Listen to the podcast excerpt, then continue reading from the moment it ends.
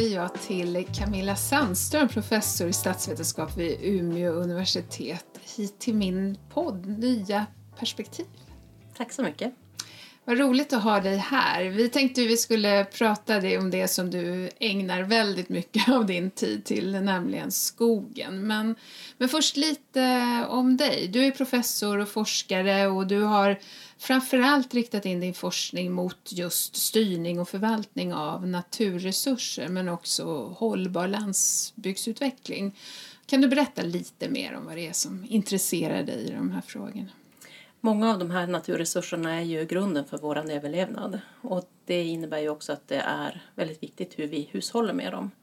Och eftersom många naturresurser också per definition befinner sig på landsbygden så hänger de också tätt ihop med just landsbygdsutveckling. Mm.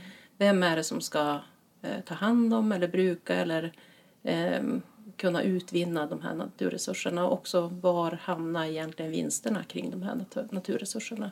Ja, det är ju en väldigt aktuell fråga för norra Sverige. Man har väl ganska länge känt att man är liksom hela landets naturresursskafferi men inte säker att vinsterna hamnar vare sig i norra Sverige eller i inlandet där mycket av resurserna finns. Nej, och till och med det kan ju hamna någon annans, i något annat land mm. också. Mm. Och det gör ju att vi behöver fundera över hur, hur kan vi ta tillvara på de här möjligheterna som finns men naturligtvis också riskerna som finns av att vi faktiskt utarmar naturen ja. och miljön eh, om vi inte hanterar det på rätt sätt. Ja, som sagt, det finns ju jättestora förväntningar, inte minst på skogen och vad den ska kunna lösa. Men jag tänkte lite mer, eh, mer om dig här. Du, du är också ledamot i Kungliga Skogs och Lantbruksakademin. Du är kopplad till SLU eh, ja, också. det är jag. Jag tillhör en institution som heter Vilt, fisk och miljö. Mm. Så att du, du har många strängar på din lyra och nu i år så har du också blivit vinnare av den så kallade Guldkvisten. Och det är en utmärkelse där juryn beskriver det så här. Att du sprider ljus över hur människor och grupper kommunicerar med varandra, hur olika delar av samhället möts i konfliktsituationer. Och att det är en naturlig del av samhällsutvecklingen. För konflikter driver idéer när de hanteras rätt. Är det här du, den stora konfliktlösaren? Ja, det vet jag väl inte, men jag blev oerhört smickrad av att få den här guldkvisten. Dels för att det är väldigt många andra eh, som man kan se upp till som har fått den här förstås. Mm. Men framförallt att bli uppmärksammad för det forskningsarbete som jag och mina kollegor gör kring mm. de här frågorna. Mm. För det handlar ju som sagt om väldigt stora frågor, väldigt svårlösta frågor och sånt som vi behöver kunna hantera för både nutid men också framtid. Och därför känns det ju extra roligt då att bli uppmärksammad för det. Ja men det förstår jag och du är ju känd för oss på Länsstyrelsen som eh, inte minst väldigt uppskattad moderator på Skogens dag och då brukar vi prata väldigt mycket om de här konflikterna. Är det ditt det här norrländska lugnet som gör dig särskilt lämplig för att ägna dig åt konfliktfrågor? Ja, det är ju i alla fall ett epitet som brukar hänga med norrlänningar när vi åker söderöver till mm. exempel. Men jag vet inte om det är det. Det handlar väl också väldigt mycket om hur man närmar sig både människor förstås men också frågor. Mm. Eh, om man har ett öppet sinne, om man eh, är beredd att lyssna. Och där kan ju förstås det här norrländska lugnet komma in men det handlar väl också om att på något sätt kunna vara pragmatisk. Eh, för att kunna dela upp konflikter i mindre bitar och lösa dem successivt. För det är sällan man kan lösa en stor konflikt i ett enda slag om man alls kan lösa en konflikt. Ja, jag tänkte vi ska komma tillbaks till de här olika konfliktlinjerna som finns i, skogen och den här förväntansbilden. Men först, tycker du själv om att vara i skogen? Absolut. Jag började den här morgonen med att gå i skogen utanför Bjurholm där jag bor mm. eh, när jag jobbar här nere eh, på universitetet. Eh, med jättefin utsikt över Barberget bland annat. Mm. Så det var en bra början på dagen helt enkelt. Men du gillar att promenera och vandra men också plocka bär, plocka svamp? Bär och svamp och eh, ja, men att vistas ute i, i skogen helt enkelt. Ja. Mycket, det har blivit mycket vandring den här sommaren till exempel men då har jag framförallt vandrat i fjällen. Mm. Men även på en led som Länsstyrelsen precis har rustat upp. Ja, Så vi är tacksamma för att det finns eh, många bra vandringsleder i Västerbotten mm. som man kan gå efter. Och fina stugor att övernatta i och så vidare. Ja, för du är uppväxt i Ångermanland, inte ja. i Västerbotten egentligen utan i Ångermanland. Mm. Men det är också ett skogslän så du känner dig hemma i Absolut, absolut. De här trakterna. Ja, nej men det var ju precis på gränsen till Västerbotten så det var väldigt nära. Ja, jag förstår. Ja, som sagt, och den här eh, ändå ganska tuffa uppdraget eh, att eh, titta på alla de här konflikterna. Du berättade tidigare att du, du har delat in det i tre konfliktområden för att försöka bena lite i alla de här motstridiga intressena som finns kring skogen. Kan du inte berätta lite om det? Mm. Den första konflikten handlar ju om hur vi ser på skogen, om den ska vara för människans gagn eller om den har ett egenvärde. Och på vetenskapsspråk så kallar vi det ekocentrism och antropocentrism. Eh, och den är ju den mest svårhanterade som sagt där, där det är svårt för människor att mötas och kanske hitta kompromisser kring den frågan. Ja, för det är helt värderingsstyrt, Ja. alltså hur man känner innerst inne. Ja, och har man vuxit upp med den typen av djupa grundläggande värderingar så är det väldigt svårt att bryta dem. Eh, och det finns ju tekniker att hantera det när vi pratar om konflikthantering då. Och det handlar ju mycket om att bryta ner de här frågorna i väldigt små bitar. Att hitta de minsta gemensamma nämnarna och kunna börja närma sig varandra. Men också det vi brukar kalla för adaptiv förvaltning. Alltså att pröva sig fram och testa olika lösningar för att se, når man målen med dem? Innebär det att man både kan bruka och bevara? Eh, Det kan ju också handla om att man, kanske måste zonera, eh, alltså dela upp så att man kan bruka vissa saker men bevara då större delar så att man kan liksom tillgodose båda de här perspektiven på olika sätt. Eh, Men det är väldigt svårt att hitta ett sätt att hantera den frågan och det är ju det som gör att den är så himla svårhanterbar. Men skulle du säga att väldigt mycket av de konflikter vi ser kring skogen bottnar i de här värderingsskillnaderna? Eller är det andra saker också? Ja, jag skulle säga att det är att den liksom, skiljelinjen har vuxit över tid. Att vi i mycket högre utsträckning hade en, ett eh, sätt att se på naturen där vi kunde nyttja den för, vår, för människans bästa. Men ju mer insikt vi har fått i hur skör och sårbar naturen är, desto fler är det som ser också naturen mer utifrån ett ekocentriskt perspektiv. Det vill säga att eh, människan är inte på något sätt liksom överordnad utan Nej. likställd med Ja. djur och natur. Vi är en del av naturen och om vi inte hanterar naturen på rätt sätt så blir vi också lidande av det. Eh, och jag skulle också säga att det här har också kopplingar till stad och land. Alltså där vi, man på landsbygden ser, har ett mycket mer ett brukande perspektiv. Och det behöver inte betyda att man föröder naturen eller utarmar naturen men att man, att man har den här tydliga kopplingen till bruket. Ja, för det är det man har levt av i generationer oavsett om man tillhör urfolk eller om man har varit Ja. nybyggare så, så är det just att man har levt av det Ja. naturen ger. Exakt. Men det innebär ju också att man är väldigt rädd om naturen förstås. Men det är också det att i takt med att vår kunskap har ökat så har vi kanske sett att vissa brukningsmetoder har inte varit så bra. Eller det kan ju också hända att det är fler som brukar samma resurs. Och det gör att det tidiga bruket kanske var uthålligt men att vi nu är fler som brukar göra att det blir mindre uthålligt eller något annat som påverkar. Ja, det har ju sagts i debatten att skogen har blivit intecknad flera gånger Ja. om. Vad är det man menar med det? Ja, vi ska använda skogen till så väldigt många olika saker. Eh, Den ska lösa klimatfrågan, den ska lösa biologisk mångfaldfrågan, den ska lösa rekreations och hälsofrågan och så vidare och så vidare. Plus att vi ska ha en massa produkter från den. Vi ska bygga mer, vi ska ha Ja, vi skickar ju mer varor med kartong till exempel så att det går åt mer och mer skog och det gör ju att den räcker helt enkelt inte Ja, vi ska allting. ersätta plast, eh, engångsprodukter med pappersbaserade istället och Precis. så vidare. Ja, jag är ju också ordförande i Trästad Sverige så jag är ju en av dem som vill använda skogen till mer husbyggande. Eh, fördelen då är väl att den fortsätter att binda kol men, men som sagt, det är ytterligare ett intresse som, ja, som Ja. vill använda skogen helt enkelt. Nej, och det man pratar om väldigt mycket är att man ska byta de här kortsiktiga eller kort, de produkter som inte lever så länge till mer långsiktiga produkter och då kommer ju trähusbyggande in som en del där, att binda kol. svåraste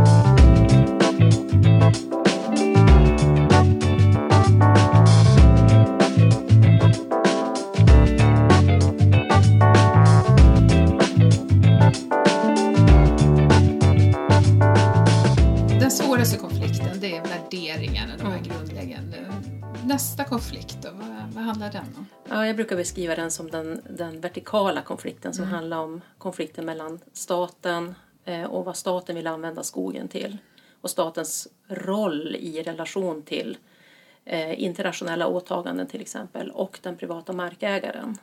Och hur mycket den privata markägaren ska behöva stå för eh, i relation då till den här politiken. Eh, till exempel att vi ska skydda vatten, vi ska skydda biologisk mångfald och vi ska också upplåta mark eh, till rekreation till exempel. Och det gör ju att den här vertikala relationen, alltså var går gränsen mellan det som är den privatas ansvar och det som är statens ansvar. Eh, Och det var det egentligen hela skogsutredningen Ja. handlade om. Ja. Det var just det här ja, äganderätten. Ja, precis. Och jag menar, markägaren har ju givetvis ett ansvar för eh, vissa saker då. Eh, och man har också inom den svenska skogsbruksmodellen sagt att man ska ta ett mycket större ansvar än lagen kräver när det gäller just miljöfrågan eller att skydda biologisk mångfald. Men, Men var... många skogsägare gör väl också det? Absolut, Ja, absolut. precis. Men liksom, nu kommer det ju ytterligare krav då. Kanske klimatkrav, vi har andra typer av ekosystemtjänster som också ska garanteras. Och det gör ju att det, det blir svårt att liksom sätta var den här ribban ska ligga någonstans. Eh, och det är också det som har blivit då en konfliktfråga där man har kommit i, hamnat i domstol. Om det så har rört sig om lavskriker eller någonting annat så har det liksom satts på sin spets nu här eh, i och med artskyddsförordningen och habitatdirektivet och eh, implementeringen av det. Och nu så har ju regeringen precis här i dagarna då aviserat att de är beredda att avsätta mer pengar för att kompensera skogsägare för mer naturskydd då egentligen, eller mer skydd utav inte minst den fjällnära skogen. Och det har ju funnits pengar tidigare också men nu ökar man den här summan rätt rejält eh, med 2,4 miljarder till totalt 3,7 miljarder. Räcker det med pengar för att lösa den här konflikten eller? Ja, pengar är ju en förutsättning. Ehm, och jag tror att det finns en hel del människor som säkert är, tycker att det är okej. Medan det finns också andra som tycker att det här är någonting som vi har brukat under väldigt lång tid. Det är någonting som vi vill fortsätta att bruka och man tycker också att man har ett hållbart sätt att bruka skogen. Ehm, så det är klart att det finns grupperingar här som, som kommer säga att fine, eh, jag accepterar det här. Eh, huvudsaken jag får liksom eh, Ersättning. ersättning för det som var min långsiktiga investering i det här. Eh, sen är det andra då som kanske inte gillar det på samma sätt. Och det hä- hänger nog också ihop med om vad man får fortsätta att göra på marken. Eh, om det är så att man kanske får fortsätta att jaga där eller fiska eller få tillgång till de här resurserna som finns där och inte känner sig helt utestängd från marken. Ja, precis. För Så det- det, ja, så det kan ju bli en förhandlingsfråga förstås framgent. Och det handlar väl också om den här frågan om man skulle få till exempel ersättningsmark eh, som ju också var uppe i skogsutredningen. Så att det handlar inte bara om de som får ersättning direkt för marken utan de som eventuellt skulle få ersättningsmark också om man skulle avsätta för nationalpark eller naturreservat. Vad får man fortsätta att göra på marken? Ja, precis. För där fanns det ju då ett förslag om att avsätta en ganska rejäl del av den fjällnära skogen, men då istället.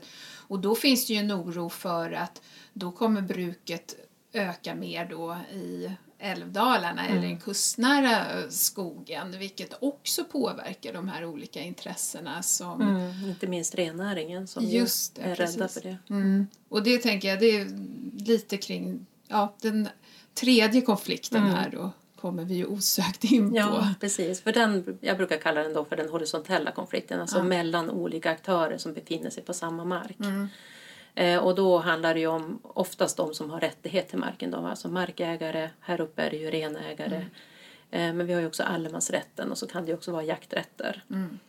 Eh, och de behöver ju på något sätt också kunna hantera konflikter mellan varandra. För de har ju då rätt att bruka marken fast på olika sätt, eller nyttja den. Eh, och där handlar konflikterna kanske framför allt om att hitta olika skötselmetoder för att man ska kunna eh, göra avvägningar mellan olika intressen. Eh, och så där ser jag ju också en väldig liksom, potential för olika forskningsinsatser mm. kring de här frågorna just när det handlar om att kunna hitta smarta lösningar, alltså att skräddarsy skogsbruket i mycket högre utsträckning för att till exempel rennäring och skogsbruk ska kunna vistas på samma mark. Mm. Eh, och att man då också kan tänka mer långsiktigt och i landskapsperspektiv och så. Så det finns, där finns det väldigt mycket att göra. Ja, för här pågår ju en annan stor utredning nu, den här renskötselutredningen som mm. ska vara över ganska lång tid men just som ska titta på det här. Och där är det ju det, man förfogar Ja, man brukar ju ganska stora arealer mark för att klara helt enkelt eh, renskötseln mm. och känner sig trängd från, från alla håll. Och det är ju, man pratar ju ofta där om de här kumulativa effekterna, det vill mm. säga att det blir en gruva här, det blir en väg där, det blir en järnväg där, det blir ett skogsbruk där och så mm. blir det bara smalare och smalare det, det man har att använda för, för rennäringen. Mm. Och inte minst så bidrar ju också klimatet till att betet ibland låses in mm, eh, så att man inte kommer åt det. Men tror du det är möjligt att hitta, du verkar ändå så optimistisk att det ska gå att hitta lösningar för det här. Eh, jag tycker att ibland i min roll som landshövding så känns det nästan som en, en hopplös ekvation att få ihop. Ja, alltså som forskare så tror jag man måste vara optimistisk för att annars har man inget jobb. Nej, precis. Nej, skämt åsido. Eh, jag tror ju att det går att hitta lösningar på väldigt mycket men det är klart att naturen har ju sina begränsningar. Det mm. går inte att liksom stretcha den allt för mycket eller allt för långt. Mm. Men på många områden så är vi ju långt bort ifrån det eh, än. Eh, och det gör ju att vi, inte minst vi här uppe i norr, har mm. möjlighet att, att tänka eh, och att liksom hantera de här frågorna på ett konstruktivt sätt men också flexibelt sätt. Men vi eh. behöver forskningen menar du för att vi ska kunna liksom hitta de här? Ja, vi behöver ju den här samverkan mellan forskning och praktik mm. Mycket utvecklas ju av praktikerna också, som mm. de som är i det här och som kan hitta lösningar och liksom eh, ge eller får möjlighet att hitta lösningar. Eh, men sen så tror jag också att man måste förstås pröva saker för att det ska kunna vidimeras och för att man ska kunna eh, det är inte bara att införa en ny praktik utan ofta så behöver den ju också prövas eller testas mm. och där kan forskningen komma in som är en mm. viktig roll. Och sen så det forskarna också kan bidra med det är ju just att eh, omvandla de här idéerna som ofta kommer upp när man samtalar med eller ute i skogen till exempel och mm. samtalar. Skulle man kunna göra så här eller så här? Ja, men vi kan pröva oss mm. fram och så kan man då göra det här på ett vetenskapligt sätt så att man eh, kan då föra ut det. Mm. Eller, eller också säga att ja, men det här funkade inte alls och det var ingen bra lösning. Men tycker du att det är möjligt att föra den här typen av resonemang? För jag upplever ju att tonläget har blivit väldigt, väldigt högt emellanåt och att det mm. verkar nästan omöjligt att ens liksom samtala. Vi på Länsstyrelsen vi ansvarar ju också för viltvårdsförvaltning och inte minst älgförvaltningen och vi har ju ständig dialog då med ja, med självklart samebyarna men också med, med skogsbolagen som tycker att eh, det är alldeles för mycket älg och som påverkar deras skogsbruk negativt. Och, mm. ja, och det blir ganska höga tongångar emellanåt ska jag säga. Mm. Men du tror att det är möjligt ändå? Just när det gäller älgförvaltning så har vi tittat på de här goda mm. exemplen. Vad är det som förenar dem? Vad är det som gör att de faktiskt lyckas eh, både liksom dämpa konflikterna men också nå sina egna mål. Mm. Och då handlar det ju både om älgstammens storlek men också att minska betesskadorna. Mm. Sen vet vi att det är inte så enkelt att bara, alltså älgstammens storlek och betesskadorna är liksom inte det är, Nej, inte, ett, inte helt... det är inte ett linjärt samband Nej. exakt däremellan. Och det gör ju att den här frågan blir ju ännu svårare för att det, det som man brukar ratta på är ju antingen liksom antalet älgar eller också mm. hur skogen, ska säga, alltså hur fodret ser ut. Mm. Um, och det är mycket svårare att, liksom, att producera foder väldigt snabbt medan det är enkelt att minska älgstammen snabbt. Mm. Uh, så det är, liksom, det är enklare att vrida på en ratt än på den andra ratten även om man måste liksom, laborera med båda.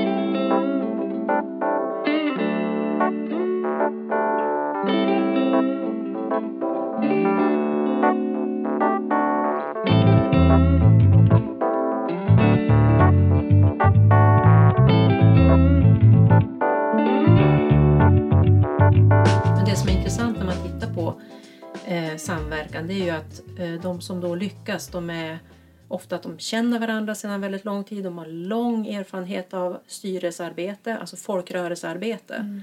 Eh, och inte bara inom viltvården utan det kan handla om allt ifrån kyrkan, Folkets hus, eh, partiföreningar eller idrottsföreningen. Alltså att de vet hur en förening fungerar. Och hur man för ett samtal ja. så att alla kommer till tals ja. men där man ändå rör sig framåt mot ja, någon slags exakt. gemensam ja, slutsatser. Precis.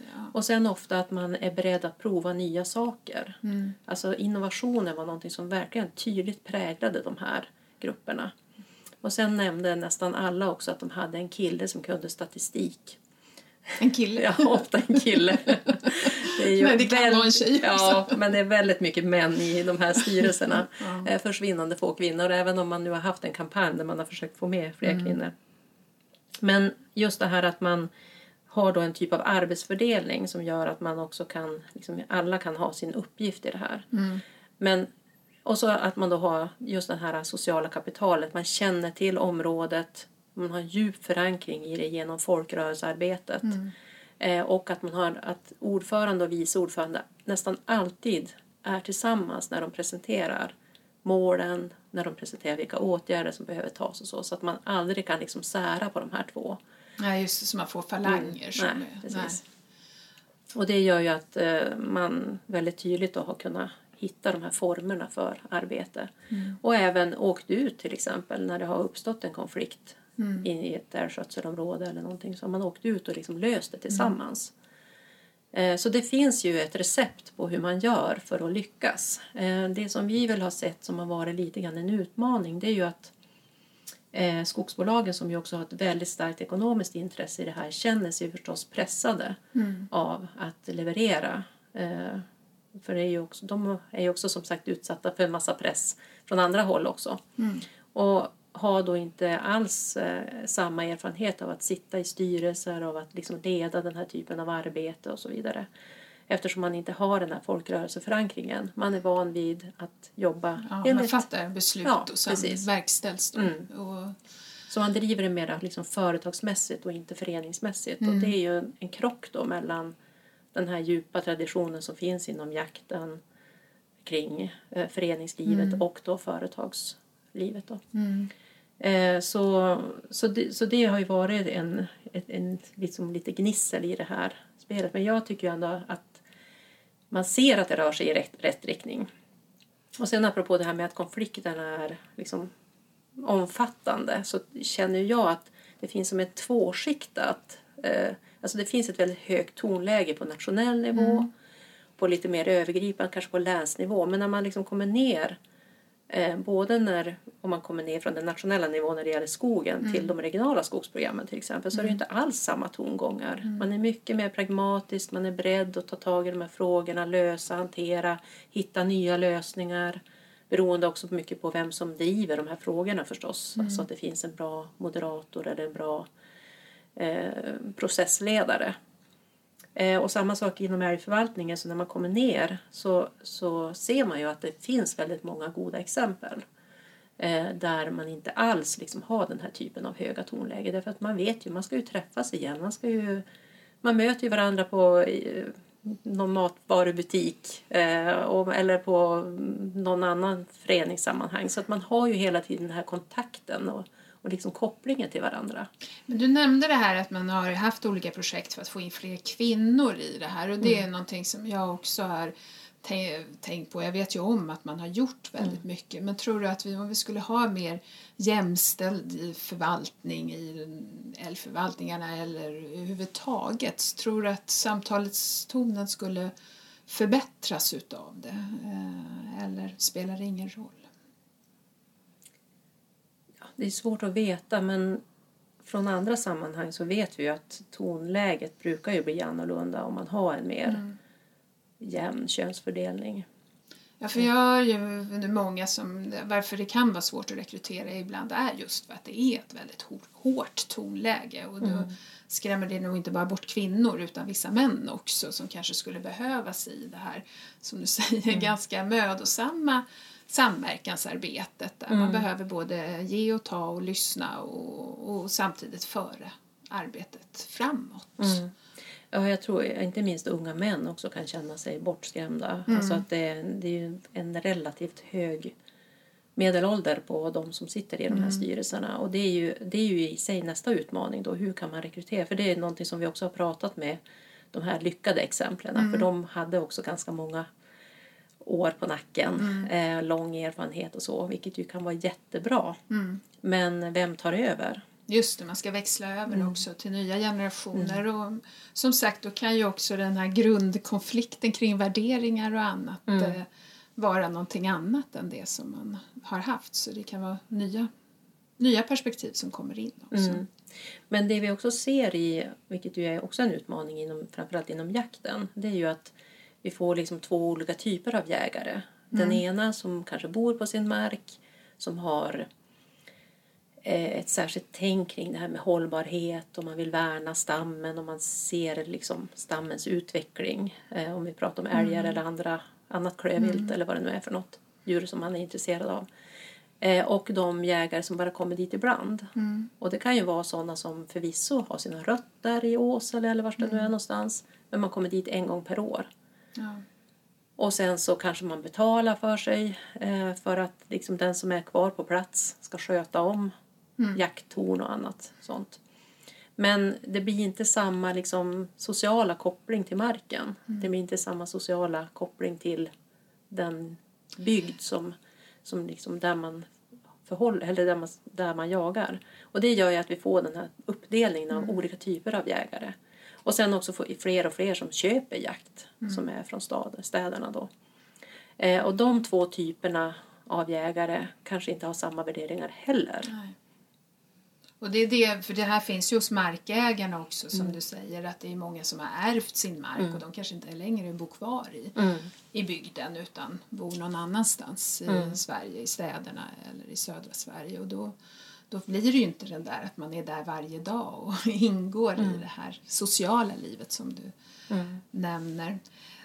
Jag funderar mycket kring det här också med allemansrätten för när man blir som mest uppgiven så hör jag ibland sådär Kommer vi kunna ha allemansrätten kvar när det är så många intressen som ska samsas i skogen? Eller vad tror mm. du? Kommer allemansrätten kunna finnas kvar? Vi är ju så stolta över den och ja. använder den ju ganska mycket. Ja, och samtidigt så har ju allemansrätten förändrats över tid. Mm -hmm. Så den har ju inte alltid varit exakt som den är nu utan Um, när vi har till exempel tittat på bärfrågan som ju var en stor konfliktfråga för några år sedan mm. när bärbranschen var liksom i dess linda och det var ganska mycket oegentligheter och väldigt mycket konstigheter förknippade med, med mm, importen av arbetskraft om man säger så. Mm. Eh, så tittade vi tillbaka i historien och då visade det sig att vi hade ju haft samma konflikt för ungefär hundra år sedan. Ja, Fast då det är var aldrig det... något nytt Nej, precis, precis. Men då var det de här blåbärsflickorna som kom från Stockholm. Jaha. Som eh, skolades då på vintern i Stockholm för att plocka och så skjutsades de ut och, och plockade blåbär här i Västerbotten till exempel. Så det finns ju fortfarande kvar blåbärstorkerier och sådana där saker eh, mm. runt om i inlandet. Eh, alltså rester av det i alla fall. Där, eftersom man exporterade både lingon och blåbär. Och lingon var ju länge en stor exportvara, kanske till och med större än timmer mm. eh, från eh, Norrland. Då. Eh, och det gjorde ju att eh, den konflikten, och det, det, när man kan läsa då i riksdagsprotokollen, det var nästan exakt samma ord som man använde i hundra år senare när det handlade om, om thailändska mm. bärplockare. Mm. Alltså att det kommer in främmande element i skogen i områden där om det var Stockholm, blåbärsflickor eller mm. om det var plockare från Thailand så är det ju så att vi, de som bor i en by till exempel, de vet ju att ja, men det där är Lundströms skog, det där är Petterssons skog och det där är ja, vems skog det nu är. Och när Lundström har plockat sina bär då, då får ju vi gå dit, mm. vi andra. Mm. Eh, men det vet ju inte de som kommer som besökare Nej. eller de som kommer som thailändare till exempel. Och nu är det inte så att det är brist på bär. Det är ju inte det stora problemet. jag hörde att det är ungefär 5% av alla bär som plockas mm. så att det finns lite bär kvar. Ja. Men... men det är ju inte riktigt det det handlar om Nej. utan det handlar ju också om var går gränsen för mitt ägande eh, och vem kan nyttja det här? Och, och de allra flesta tycker ju ändå att det är okej att nyttja det för privat bruk men det är ju när det kommersialiseras, det är då det blir problemet. Just det. Eh, och det var ju det som den, blev den stora konfliktfrågan också. Eh, och den frågan har man ju hanterat. För så ser det ut mycket i Europa om du plockar svamp eller plockar bär att då betalar du för det och så får du en liten ja, lott där du kan gå och, och göra det. Men vi har ju inte alls den traditionen i Sverige. Nej, och det är ju mycket möjligt att det förändras, alltså att det kommer att förändras på sikt. Det beror lite grann på hur stor pressen blir på, på skogen. Alltså att man kanske behöver reglera det på olika sätt. Men eh, och, och det, poängen här är ju att allemansrätten har inte varit exakt likadan hela tiden och den ändras i och med att vi blir mer mobila eh, och kan ta oss ut i skogen på ett annat sätt. Men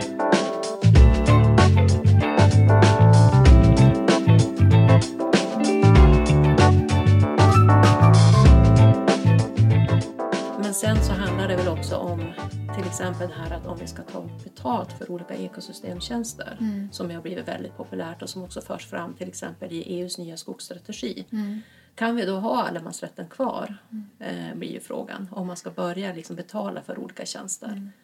Om skogen ska stå eller om, eh, ja, vad det nu handlar om. Om man ska liksom leverera någonting från skogen. Som, alltså om skogen ska, ska, ska stå som en kolsänka eller om man ska bevara biologisk mångfald. Den kanske inte tål brukande eh, på samma sätt. eh, Ja, Det här man- väckte ju jättemycket känslor när EUs skogsstrategi kom. Du har ju varit och jobbat faktiskt i EU-parlamentet Ja. eh, För länge sedan. för länge sedan men blev tillbaka lockad till Umeå universitet. Men, men det ju, kan du säga någonting bara om den här för där blev det ju en väldig liksom, skillnad i synsätt. Att EU ville ju främst att Sverige och Finland och de här skogsrika länderna skulle liksom bevara sin skog för att stå där och binda kol. Medan ja, vi självklart menar att den kan brukas och inte minst brukas den till trävaror så fortsätter den ju att binda kol. Och att, att nyplantering av skog som vi har gjort väldigt länge kanske framförallt behöver ske i andra delar av EU. Vad, vad tror du att det här handlar om, att det blev så? Ja, men här kommer ju återigen den här grundläggande värderingskonflikten in. Alltså vad ska vi ha naturen till? Och vad är en skog framför allt? Eh, jag menar, I många länder där man pratar om att man har en skog eller man sätter namn på skogen som eh, The Black Forest eller, alltså, alltså, eller Sherwoodskogen som kanske de allra flesta svenskar känner till. Eh, så, så är det ju mycket, alltså så blir ju skogen också sedd på ett annat sätt. Den blir ju liksom någonting som omhuldas och någonting som Ska skyddas, skyddas. och värnas? Ja, ja, och som man kanske använder för rekreation. Medan här så pratar vi ju inte om en skog. Vi har ju skog liksom i hela landet. Eh, och det gör att vårt förhållande till skogen är ju eh, på ett helt annat sätt än i många andra länder. Eh, och vi har ju också då dessutom brukat skogen på ett annat sätt. Jag menar, där man högg bort skogen i Europa för många Så hundra år sedan. återplanterar man aldrig? Nej, utan där har man gjort ett jordbrukslandskap istället. Och det gör ju att man får ett annat förhållande till Ja, för skogen. vi har egentligen en växande skogsareal därför att vi återplanterar nästan mer än vad vi Ja, tar och har Ja. gjort under ganska lång tid. och det var ju principen i början på 1900-talet. Det var ju en av de första stora konflikterna om skogen. Alltså när man då höll på att utarma skogen fullständigt. Eh, och då, då var det en konflikt mellan också staten och den enskilda markägarna men också industri, alltså de stora skogsbolagen som ville lägga under sig mark och liksom köpa upp mark. Och då löste man ju det genom att man dels bestämde om vad som är hållbart, alltså att man måste plantera tillbaka skog. Just det. Eh, Men sen också att man begränsade de stora bolagens ägande till 25 procent av marken. Eh, Så det var ju ett sätt att kontrollera industrialiseringen men också att införa ett hållbarhetskriterium i skogen. Eh, Så det var ju rätt tidigt och det är ju, var ju en grundläggande förutsättning för svensk välfärd också så småningom. Eh, Och att vi har, har den skog vi har idag. Men ehm, eh, just EUs skogsstrategi, där kommer som sagt den här grundläggande konflikten fram igen eh, mellan vad vi ska ha, ja, hur vi ska se på på skogen, ja, men också vad vi ska ha skogen till. Sen när man läser skogsstrategin så blir man också väldigt fascinerad över att eh, de också, precis som vi ju har en tendens att teckna, liksom inteckna skogen allt för allt. mycket, det är att den ska lösa så otroligt Ja. mycket. Eh, och att det inte finns någon riktig stringens i den, eh, den här strategin. Och från EU ner till då regional nivå, eftersom jag är landshövding och sitter med dig här framför mig så kan jag inte låta bli att fråga. Vi, vi har ju länge jobbat med skogslänet och nu har vi bildat ett programråd för, eh, för skogsstrategin, de regionala skogsstrategierna. Och vad ser du att jag som landshövding, vi som länsstyrelse, vad är, hur kan vi främja det här goda samtalet och kopplingen till forskningen så att vi i alla fall hanterar en del av alla de här konflikterna och kanske uppfyller en del av de många mål som vi har kring skogen. Vad, vad är absolut viktigast att vi gör? Mm. Ja, det är så, vi håller ju titta på, titta på de olika skogsprogrammen och eh, eh, vi tycker att det ser väldigt bra ut i Västerbotten just för att det finns en, öpp- ja, just för att det finns en öppen arena och att man, dels att det händer väldigt mycket eh, men också att det finns den här arenan som gör att man kan samtala om eh, skogen. Men sen så kanske man också måste hantera en del konflikter. Alltså att beta av de här konflikterna på olika sätt. Sen behöver man ju inte alltid komma överens. Det är ju inte det som är poängen med, alla, med all politik eller den här typen av program. Utan ibland måste man ju också våga sätta ner foten. Ehm, och liksom kunna göra vissa avvägningar. Ehm, men då handlar det om att de, man måste verkligen ha den här öppna dialogen och liksom mm, kunna bryta de här sakerna mot varandra men också att kanske pröva sig fram lite grann. Skulle Just. man kunna göra så här? Och så får man testa och se om det är en möjlig Och ha väg. ett lärande samtidigt. Ja, precis.